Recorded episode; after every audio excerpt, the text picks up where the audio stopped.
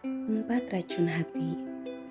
Ketahuilah, setiap kemaksiatan adalah racun hati yang menjadi penyebab sakit dan kehancurannya, memalingkan irodahnya dari irodah Allah taala dan menambah parah penyakitnya. Abdullah bin Mubarak berkata, Kulihat dosa-dosa itu mematikan hati, membiasakannya mengakibatkan kehinaan, meninggalkannya adalah kehidupan bagi hati. Selalu menjauhinya adalah yang terbaik bagi Anda.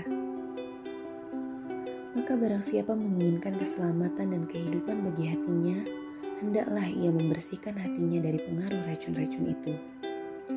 Kemudian menjaganya, jangan sampai ada racun lain mengotorinya.